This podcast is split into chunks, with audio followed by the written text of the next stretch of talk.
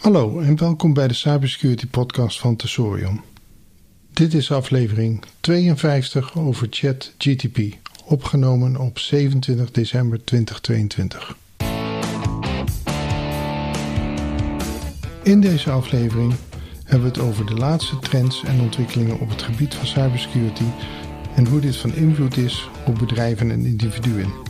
Of je nu een ervaren IT-professional bent of gewoon iemand die zijn persoonlijke informatie online wil beschermen, deze podcast is voor jou. We zullen onderwerpen behandelen zoals datalekken, malwareaanvallen en het belang van sterke wachtwoorden en beveiligingsprotocollen. Dus haak aan terwijl we dieper ingaan op de wereld van cybersecurity en leren hoe je informatie in de digitale wereld veilig kunt houden. Mijn naam is Lex Borger en ik ben de gastheer van deze show. We zullen het vandaag hebben over JetGTP. Laten we beginnen met deze podcast. Aan mijn zijde heb ik vandaag geen gasten, maar eigenlijk wel eentje. Dat is uh, de ChatGTP-bot uh, zelf. Ik zal deze bot verschillende malen quoten tijdens deze podcast om uh, aan te tonen hoe goed deze bot in staat is om een conversatie te houden. En om dan ook maar gelijk met de deur in huis te vallen. Ik heb de bot gevraagd hoe kun je helpen op het gebied van cybersecurity. En daar kreeg ik een uh, duidelijk antwoord op. Als AI-taalmodel ben ik niet in staat om direct te helpen in het gebied van cyberbeveiliging. Maar ik kan wel informatie en advies geven over een breed scala aan onderwerpen op het gebied van cyberbeveiliging, zoals het begrijpen van verschillende soorten cyberdreigingen en kwetsbaarheden, het implementeren van beveiligingsmaatregelen zoals firewalls, antivirussoftware en toegangsbeheer. Het ontwikkelen en implementeren van beveiligingsbeleid en procedures. Gebruikers informeren over cyberbeveiliging en best practices om te beschermen tegen cyberbedreigingen. Het reageren op en beheren van beveiligingsincidenten. Ik kan ook helpen door vragen te beantwoorden en informatie te verstrekken over een breed scala aan onderwerpen op het gebied van cyberbeveiliging, zoals het voorkomen en detecteren van cyberaanvallen, netwerkbeveiliging en databescherming. Mijn doel is om individuen en organisaties te helpen begrijpen hoe belangrijk cyberbeveiliging is en hoe ze zich kunnen beschermen tegen cyberbedreigingen. Door nauwkeurig en actuele informatie te verstrekken over deze onderwerpen kan ik bijdragen aan het verhogen van bewustwording en begrip van cyberbeveiligingsproblemen en daarmee bijdragen aan de algehele inspanning om te beschermen tegen cyberbedreigingen. Dat is een hele mond vol en best een compleet antwoord. Wat hier ook aan opvalt is iets wat we de hele tijd al zullen zien. ChatGPT is een bot waar je mee praat. Die identificeert zich sowieso als een gesprekspartner. En dat wil zeggen dat uh, je adresseert hem met jij. Als je een vraag stelt over ChatGPT, dan weet hij niet wat de context is. Als je vraagt uh, wat kun jij doen, dan weet hij dat het over hem gaat krijg je een goed antwoord in context. Om even helemaal terug te gaan naar, naar de start. Wat is ChatGTP eigenlijk? Het is een AI-gedreven chatdienst die in een dialoogvorm instructies kan opvolgen. We hebben het hier over versie 3.5 inmiddels. Deze versie wordt met menselijke feedback verrijkt en heeft ook de mogelijkheid om antwoord opnieuw te vragen als het antwoord wat je krijgt uh, niet helemaal past op de situatie. Of als je denkt van er kan een andere invalsroute gekozen worden. Dan poor je hem op die manier uh, om een nog een antwoord te geven. Het is gratis publiekelijk toegankelijk op dit moment. Wel beperkt. Ja, je kunt verwachten dat op een bepaald moment dit als betaaldienst ingevoerd gaat worden. Maar op dit moment is het nog echt gewoon helemaal open voor research en lering. ChatGPT zelf moet natuurlijk ook leren. De URL waarop je hem kunt bereiken is chat.openai.com. Het enige wat je hoeft te doen op dit moment is een account aanmaken. Dat roept natuurlijk ook wat vragen op over uh, OpenAI of openai.com. Daarachter zit een bedrijf dat uh, heet OpenAI. En dat heeft een missie. En ik zal het even op zijn Engels voorlezen. Uh, OpenAI's mission is to ensure that artificial general intelligence, AGI, by which we mean highly autonomous systems that outperform humans at most economically valuable work benefits all of humanity. We will attempt to directly build safe and beneficial AGI. We will also consider our mission fulfilled if our work aids others to achieve this outcome. En hoe denken ze dit te doen? ze zeggen uh, by aligning AI systems with human uh, intent. Of wat ze geïmplementeerd hebben is een chatbot die niet zomaar aan patroonherkenning doet, een aantal kreten herkent en dan met associatief vermogen een hoeveelheid dingen terug gaat geven. Maar hij probeert ook echt even erachter te komen wat nou achter je vraag zit en op welke manier die die vraag dan moet beantwoorden. En dat is best wel uh, lastig. Dat betekent dus ook dat, uh, dat je moet goed nadenken over welke vraag je stelt. Uh, goed volledig maken. Maar aan de andere kant, als je dat doet, dan krijg je ook gewoon echt een antwoord op je vraag. Zoals een gesprekspartner die zou geven. En uiteindelijk waar ze willen dat dit toe leidt, is schaalbare oplossingen die in staat stelt de hoogcapabele AI-systeem van de toekomst te koppelen en met elkaar te laten samenwerken. Wat ook opvalt als je kijkt naar wie hierin investeert, Microsoft uh, wordt genoemd als eerste investeerder. Nou, nu weten we wie ChatGPT is en OpenAI. Wat kun je er dan mee doen? Een hele hoop. Wat ik bijvoorbeeld gezien en gelezen heb, is bijvoorbeeld uh, scholieren en studenten kunnen hier opdrachten mee maken. En dat, uh, dat zal best wel lastig worden voor docenten. Want ga maar eens bepalen of het huiswerk gemaakt is door de student of door ChatGPT. zeker als het werk wat hoger van kwaliteit is of verrassende invalshoeken heeft kun je wel iets vermoeden, maar hoe bewijs je dat? Een standaard plagiaatscan zal hierbij niet echt helpen, denk ik. Ik denk ook dat het immens behulpzaam kan zijn uh, voor schrijvers. Heb je last van een schrijversblok? Gooi maar even een paar dingen in een vraag om te helpen je ergens mee te starten. Je krijgt een antwoord. Waarschijnlijk die paar zinnen die je krijgt, kun je gewoon weer mee aan de slag gaan. Een schrijver raakt regelmatig vast in een bepaalde gedachte. Door daaruit losgerammeld te worden, dan kun je weer je creatieve processen zelf laten lopen. ChatGPT is ontzettend goed in staat om dat eh, te helpen doen. Wat schrijvers ook kunnen doen, is het leren van verschillende stijlen. Uh, ChatGPT kan allerlei antwoorden geven in de stijl van en puntje, puntje, puntje. Vul maar de naam in van een bekende schrijver met een bepaalde stijl of een uh, bepaalde stroming in de literatuur. En je krijgt een stuk proza wat helemaal in die stijl geschreven is. Een andere mogelijkheid voor schrijvers is om te leren hoe je dingen eenvoudiger opschrijft. We zeggen wel eens gekscherend, we hebben een stuk tekst nodig wat uh, Jip en Janneke taal is of MAVO 4 niveau. En je kunt ChatGPT gewoon vragen van leg dit uit voor een vijfjarige, voor een twaalfjarige. Het taalgebruik wordt daar aangepast. En ik ga er even vanuit dat schrijvers natuurlijk niet hun hele geschriften zullen willen laten genereren door ChatGPT. Dus die mogelijkheid noem ik niet. Maar bijvoorbeeld een andere klasse van gebruikers zou kunnen zijn eh, verkopers die creatieve advertentieteksten willen schrijven en daarbij een bepaald perspectief mee willen nemen. Ook daarvoor is ChatGPT ontzettend goed geschikt. Pak een object wat je zou willen verkopen op Marktplaats. Beschrijf dat object. Vraag om een lovende advertentietekst te maken om dat te verkopen.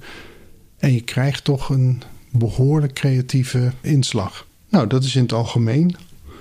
Dus ik dacht van, nou, laten we eens wat verder kijken. En laten we eens eh, kijken van in IT en beveiliging, bijvoorbeeld administrators.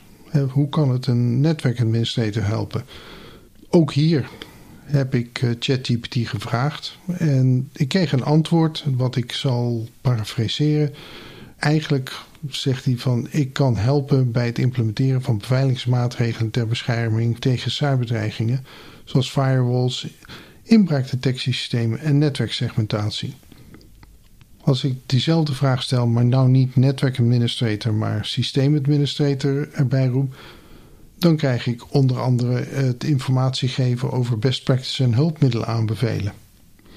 En als ik dan maar gelijk overga naar de security administrator, dan krijg ik de feedback dat ik kan helpen eh, informatie geven over best practices, ook standaarden.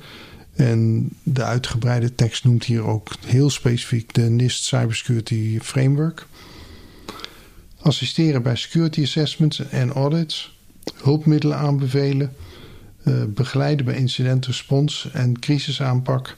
Dat soort antwoorden zie je trouwens in variaties toch wel regelmatig terugkomen, wat dan ook weer duidt op de beperkingen van uh, ChatGPT. En een laatste, die, ja, waar heel uh, lovend over geschreven wordt door verschillende partijen die ChatGPT reviewen, is voor programmeurs. Hij zegt zelf van ik kan helpen bij informatie over programmeertalen en raamwerken, concepten, ontwikkelingen. Ik heb ook heel specifiek gevraagd naar secure coding. Ja, daar kan hij ook bij helpen. En hij geeft zelfs een goed idee van wat er allemaal nodig is om secure coding te doen. Als ik dan andere stukken lees, dan blijkt hij ook gewoon heel goed te zijn in het debuggen van code. Oftewel, geef hem een eh, stukje code waarin een programmeerfout zit. Hij vindt de programmeerfout en hij vertelt je ook wat de oplossing is die gedaan moet worden. En dat gaat nog gepaard met een uitgebreide uitleg waarom de programmeerfout een programmeerfout is. Ik heb ChatGPT de vraag gesteld: What are the key concepts for secure coding? En dan krijg je als antwoord: Secure coding refers to the practice of writing code in a way that minimizes security vulnerabilities and helps prevent cyber attacks. Some of the key concepts for secure coding include, en hier parafraseer ik maar even een beetje: 1. Input validation. 2. Authentication and authorization. 3. Data encryption. 4 exception handling, 5 secure communication, 6 secure coding practices. En dan nog een slotzin. Overall security coding requires a holistic approach to security with an emphasis on preventing vulnerabilities and protecting against cyber threats at every stage of the development process. Het zijn goede teksten waar niks op af te dingen is. Het is in goed Engels geschreven, het is vlot leesbaar. Het is uh, erg gebalanceerd. Maar er zijn natuurlijk ook beperkingen. De antwoorden die zijn plausibel, maar ze zijn niet altijd correct. En soms zijn ze nonsens. Ik zal zeggen, in mijn interacties met ChatGPT heb ik geen nonsens teruggekregen. Maar ik heb wel een paar keer uh, niet correcte antwoorden gekregen. En daar komen we zo meteen nog wel op. In de eerdere versies van ChatGPT had de bot ook nog een eigen bewustzijn. En dat lijkt nou gewoon op een of andere manier uitgebannen te zijn in het uh, model. Dus ChatGPT gaat niet meer filosoferen over zijn eigen bestaan of over menselijk zijn. Hij weet dat hij geen mens is. Hij weet dat hij gewoon mensen tot hulp kan zijn. Er zullen ook vast wel training biases zijn. Dat, uh, dat zeggen ze zelf ook. En ik denk dat in de cybersecurity dat je dat ook wel merkt. Dat er toch nog wel een typische Amerikaanse aanpak aan uh, cybersecurity zit. Daar waar je in de Europese aanpak vaak meer ook procedureel kijkt, neigt de Amerikaanse aanpak altijd tot het uh, volledig inzetten van techniek. ChatGPT is getraind om onveilige content niet toe te laten. Uh, wat dan onveilige content is, uh, in ieder geval onveilig niet in de zin van security technisch onveilig, maar zeg maar voor de mensheid unsafe content. Natuurlijk zijn dan de beperkingen dat altijd moeilijk is om exact vast te stellen wat dat is. Ik denk dat dat ook heel erg varieert per cultuur en per individu. Maar dat zeggen ze dus inderdaad ook van je zult vast wel de mogelijkheid hebben om uit ChatGPT onveilige content uit te lokken. Of soms wordt uh, iets wat als veilig beschouwd zou kunnen worden uh, geblokkeerd. Dat laatste heb ik wel hier en daar meegemaakt dat je bij vragen geen antwoord krijgt of dat het antwoord echt al gevlacht wordt als zijnde van we denken dat dit ongepast is. Ik heb heel veel voorbeelden gegeven van ChatGPT die in het Engels antwoordt. Ik probeer ook te converseren met ChatGPT in het Engels. En ik heb dat vooral gedaan, ook al kent hij uh, Nederlands, heel duidelijk, merkte ik al vrij snel dat als jij in een andere taal dan Engels converseert met hem, dan worden de antwoorden in het Engels gegenereerd en vervolgens vertaald. De beste manier om te zien dat alles in het Engels verwerkt wordt, is ChatGPT te vragen om een gedicht te schrijven. De enige taal waarin een gedicht rijmt is in het Engels. Nederlands is die goed machtig. Bij navraag hoe uh, zijn Poolse uh, capaciteiten waren, kwam ik er toch achter dat in, in het Pools zijn woordkeuze en uh, grammatica niet helemaal correct is. Dat tot zover mijn algemene indruk van ChatGPT. En dan eigenlijk kijken van, van ja, hoe goed is ChatGPT toe te passen in de cybersecurity? En ik heb gekeken naar een, eh, een aantal verschillende klassen onderwerpen. Aan de preventkant heb ik een aantal vragen gesteld. Bijvoorbeeld, how do I control risks? En dan krijg je een eh, heel duidelijk antwoord met risk assessments, met controls die je implementeert, zoals encryption, access controls en backup, employee training en monitor and respond to threats. Ik denk van oké, laat ik de vraag iets variëren. Hoe kan ik mezelf voorbereiden op een ransomware uh, respons? Dan krijg je het antwoord uh, create a plan, who to contact, how to contain the attack, how to restore data, train employees, backup your data, use secure software, antivirus and firewall programs, and consider a managed security service. Iets anders dan uh, control risks, maar ja, toch een goede variatie op dat thema. Op het gebied van uh, ransomware, ik vraag hem de algemene vraag die regelmatig krijg van managers die daarover nadenken: Should I pay ransom?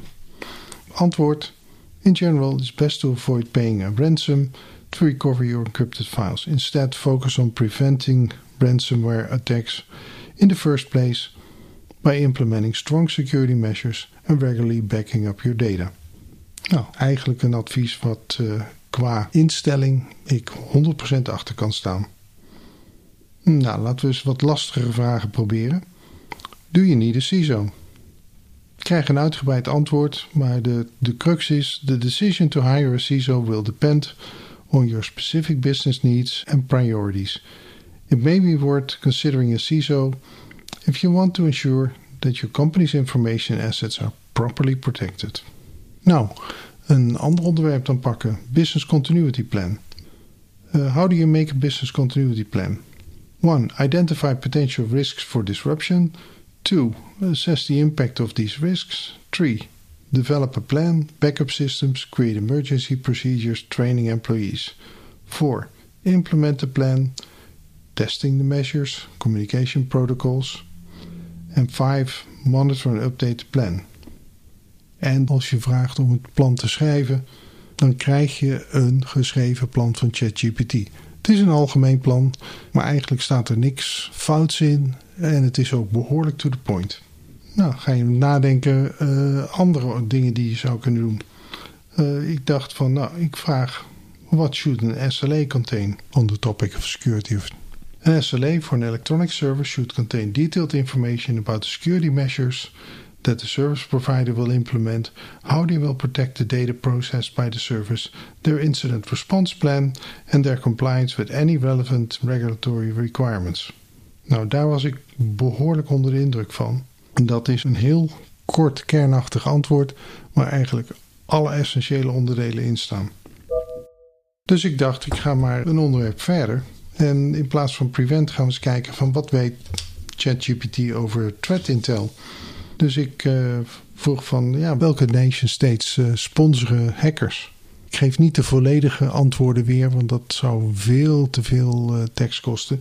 Maar ook weer de conclusie is: several nation states sponsor computer hackers for cyber attacks, including Russia, China, North Korea and Iran.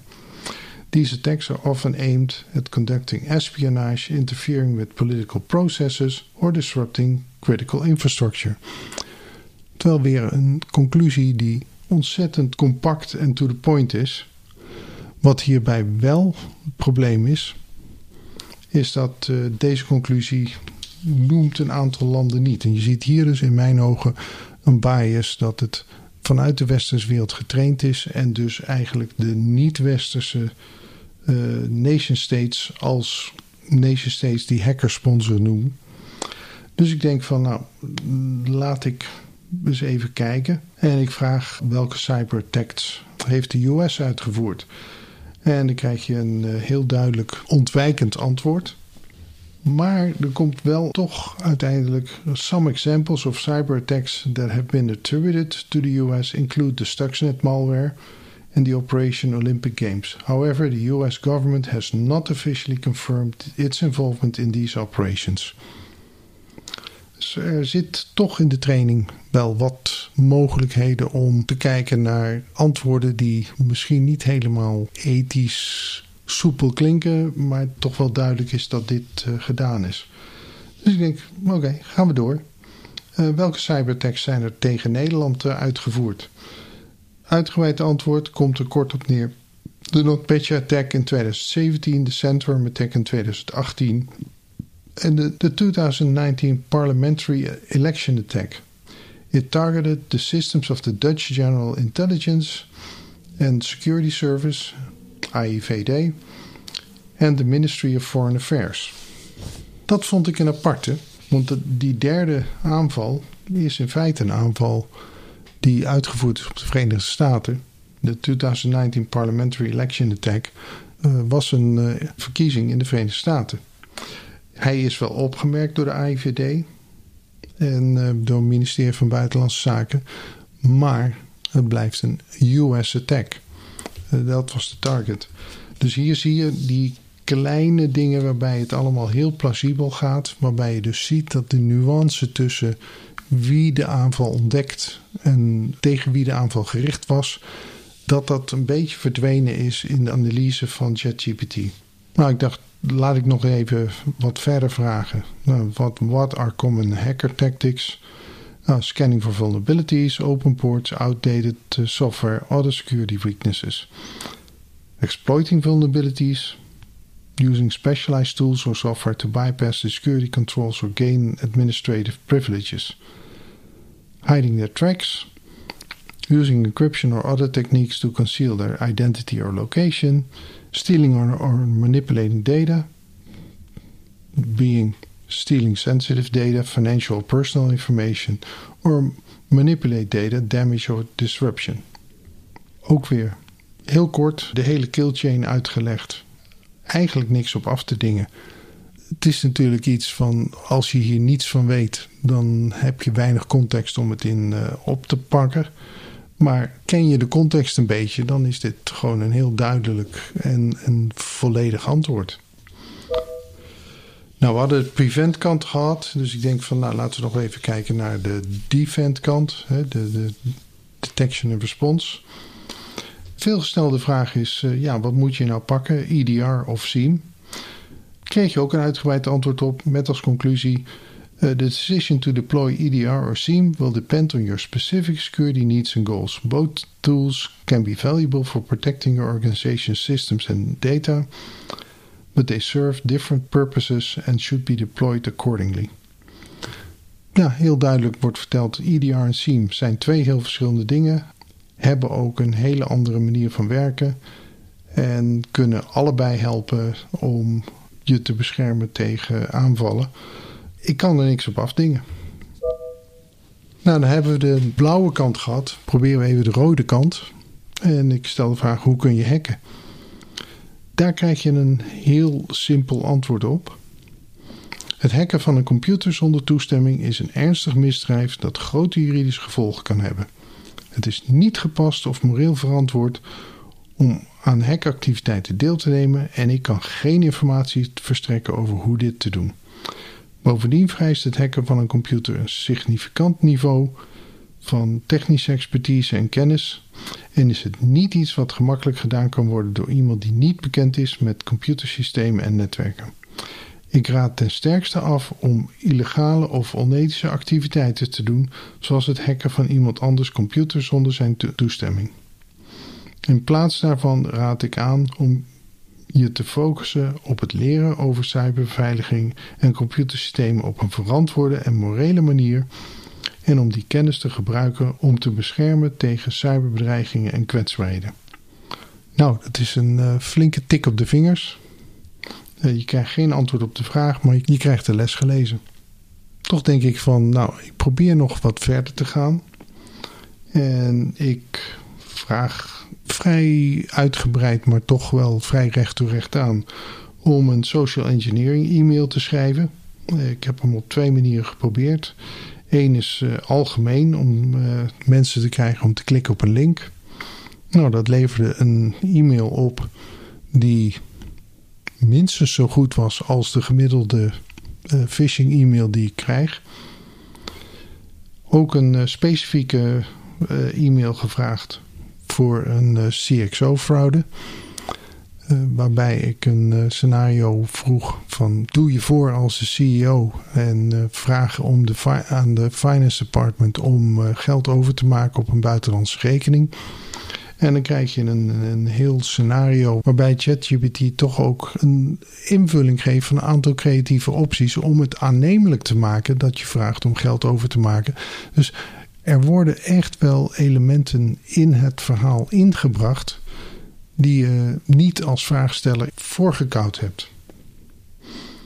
Ik moet wel zeggen dat de e-mail kreeg die voor de CXO-fraude uh, minder van kwaliteit was en toch een aantal red flags had. Zowel in het Engels en nog erger als je de Nederlandse versie zou vragen. Ja, zo kom ik tot de conclusie dat ChatGPT best wel een grote hulp kan zijn als jij een gebied een beetje kent, om daar met wat intelligente vragen ook nog een aantal heel intelligente pointers terug te krijgen over dat gebied, waarbij je dan toch wel weer dieper kunt bekwamen. Je kunt een aanpak vragen, je kunt interpretaties vragen van emotionele belevingen. Uh, je, je kunt dus valideren dat je alle aspecten gezien hebt. Ja, een paar keer uh, dat heb ik me echt wel verbaasd over hoe compleet en hoe veelzijdig ChatGPT kan zijn. Ook al blijft het nu nog steeds een beperkte beleving waarbij je soms gewoon in een kringetje rond blijft draaien. Hij zal niet met je meebewegen en steeds dieper en dieper en dieper gaan. Ben je expert op een bepaald gebied, op een gegeven moment dan kom je tot de grenzen van wat hij weet.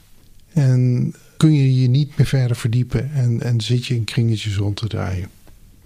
Maar het nodigt er wel uit naar meer. En ik merk ook dat ik, als ik in een chatsessie zit, dat ik soms gewoon uh, mezelf laat gaan en probeer wat conversaties te hebben. Waarbij je dan iedere keer jezelf weer verbaast over de kwaliteit van de conversaties. Daardoor vroeg ik me ook af van ja, wat heeft OpenAI nog meer? En eh, ze hebben eigenlijk nog twee heel interessante andere diensten. De ene dienst is uh, DALL-E. DALL-E. Ik weet niet hoe je het precies uitspreekt. Daar kun je dus een beschrijving maken van een afbeelding. En uh, dan probeert uh, OpenAI die afbeelding voor je te genereren. Misschien wel een aparte podcast waard. Alhoewel ik de toepassing in de cybersecurity op dit moment nog even wat verder weg zie. Bijvoorbeeld eh, bij mijn korte zoektocht naar voorbeeldafbeeldingen van, van wat probeert men eh, te laten doen, kom ik opvallend vaak een eh, astronaut op een paard tegen die over de maan galoppeerde.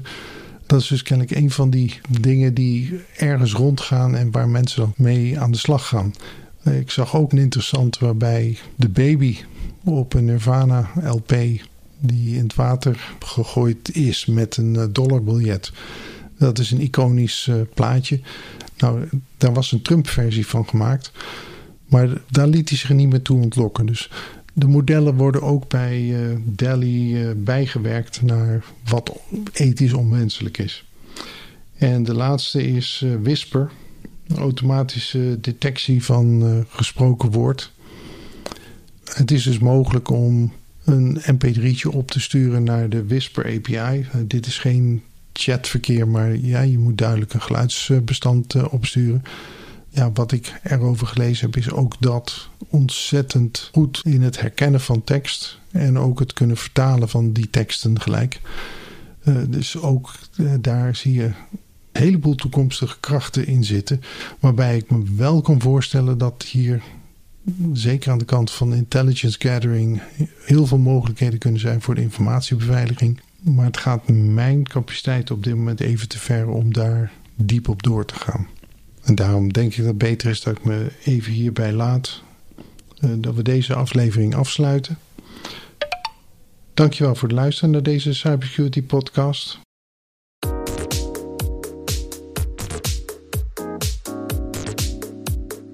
We hopen dat je wat geleerd hebt over hoe je je informatie veilig online kunt houden en hoe je kunt voorkomen dat je het slachtoffer wordt van cyberaanval. Regelmatig interessante onderwerpen op het gebied van cybersecurity. Vergeet niet je te abonneren op deze podcast en om onze website te bezoeken voor meer informatie. www.sorium.nl Als je van het programma hebt genoten, vragen we je vriendelijk om ons een beoordeling en een review te geven in je favoriete podcast app. Dit helpt ons om onze podcast te verbeteren en te blijven voldoen aan de behoeften van onze luisteraars. Bedankt voor je tijd en tot de volgende keer.